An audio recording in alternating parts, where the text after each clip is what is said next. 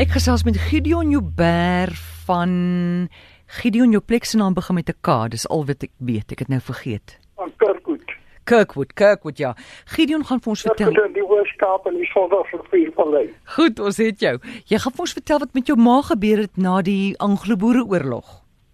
Ja, uh, toe die Anglo-Boereoorlog hier in 1888, 89 uitgebreek het, was my ma 4 jaar oud. Haar ouers en twee ouer broers het in in die distrik van Ladysmith in Natal geboer. Haar oupa was ou generaal Lukas Meyer. Haar pa, Nicolaas Egenaar, was ook maar nie lus vir die Engelse nie. En hulle het dadelik by die boeremagte aangesluit. Hy en sy twee ouer seuns.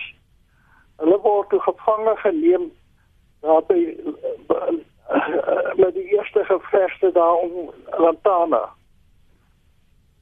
Maar haar, haar ouer ma en een ouer broer en een ouer suster, jonger suster en 'n broer van 11 jaar het op die plaas aangebly. Hy sy naam was Lukas. Eendag besluit Lukas om 'n taal te skiet in die ou Mililand. En hulle het 'n haalgeweer begrawe en hy gehaal die haalgeweer uit en hy skiet die taal en hy gaan steek die geweer weer weg maar die boere die Engelse het die skoot gehoor en hulle kom soek die boere. Mm. Hulle kry hom toe daar in die hande en hulle weet waar die boere maar hy verstaan nie wat hulle wil hê nie. Hulle het hom toe vreeslike pakke gee. En, en, en maar hy kon nie vir hulle sê waar die boere nie. Dit het hom gevangene gevang en na 'n konsentrasiekamp in die Transvaal gestuur toe die Engelse verder kom soek na die boere en by my ouma en ma is en, en die ander susters wil hulle weet waar is die boere het hulle die huis afgebrand. Hm. al die mak hier het doodgemaak en hulle is toe hulle is toe Lady Smith na die konsentrasiekamp toe gestuur toe het hulle uit die konsentrasiekamp gekom, maar hulle het met om Lukas heeltemal kontak verloor. In 1945 koop hulle toe die plaas Haasfontein in die se distrik. En en oor die plaas loop die treinspoor uh, Kaap toe. Van Port Elizabeth tot Kaap toe en is 'n uh, grondpad. En die huis is so ongeveer 500 meter van die pad af. Baie mense wat daar langs reis wat hulp gesoek het, was so toe gekom en by hulle hulp gesoek en ons altyd gehelp. En daar elke jaar en daai tyd het daar so of twee soms te die boewelaars bygestap elke jaar en dat hulle ook daar kom kos en kom kos soek en kom skuiling soek. En maar het hulle altyd versorg en sê dat buitekamer gaat as jy al die vreemde mense in onthaal het op 'n dag kom daar weer 'n boemelaar aangestap. En dan maar die man lyk toe nie of hy eintlik 'n boemelaar behoort te wees nie. Nou, hy het toe kos gekry en hy gewas en alles klaar is. Toe hy nou onder toe hy nou onder vra. Toe wil maar by hom weet waar kom hy vandaan. Toe sê hy hy kom van Belounie af. En dan sy sê toe vir hom maar sy het gehoor 'n broer van haar wat sy mee kontak verloor het is moontlik in Belounie. Hy vra toe vir haar wat is iemand se naam? Sy sê toe vir hom Lukas Meyer, Lukas Degenaar. Mm. Hy sê hy was in 'n konstruksiemaatskappy gewees en daar was 'n ander uh, uh, man wat saam met hom gewerk het wat 'n Lukas Degenaar is.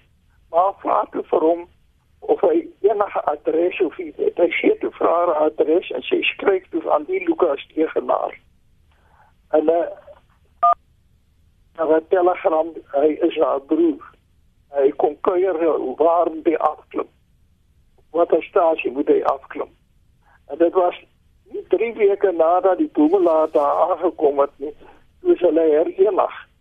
Toe Lukas daar aangekom, 'n vreeslike verhaalde man mm. pragtige grys hare en uh, en 'n uh, ambagsman wat wat sy lewe lank gewerk het. Nou, hoeveel jaar sien hulle mekaar toe nou vir die eerste keer, Gideon? Dit was so min of meer 70 jaar wat hulle toe uit mekaar was. Dis toe na min of meer 70 jaar is hulle herenig. En hoe was daai eerste ontmoeting? Ooh, dit was vreeslik emosioneel. Ons het daarso ons het almal gekom om nou die oom Lukas te ontmoet. En dit was 'n vreeslike emosionele dag gewees. Haar ander broers is redelik vroeg oorlede. Die een se naam was Koos en hy was 'n vreeslike aantreklike man.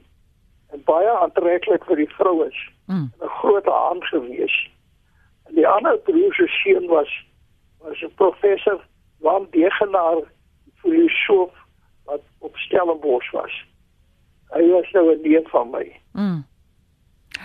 Ja, maar wat 'n ongelooflike storie en dit wys jou jy moet maar altyd vir 'n boemelaar iets gee om te eet en te drink.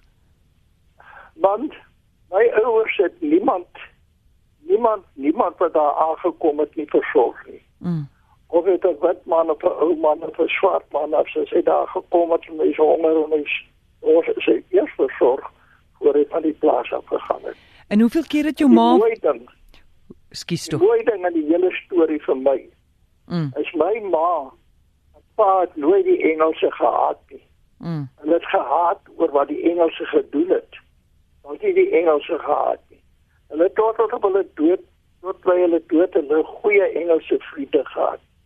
En hulle het altyd vir ons gesê hierdie mense het nie vir ons mense kwaad aangedoen nie. Dit was vir my 'n lewensles wat ek geleer het. Waaroor ek baie dankbaar is. Gideon, baie dankie vir jou storie. Goed, Almorey, alles wat mooi is vir jou werk ook. Dankie, dieselfde. Totsiens. Dankie, totsiens.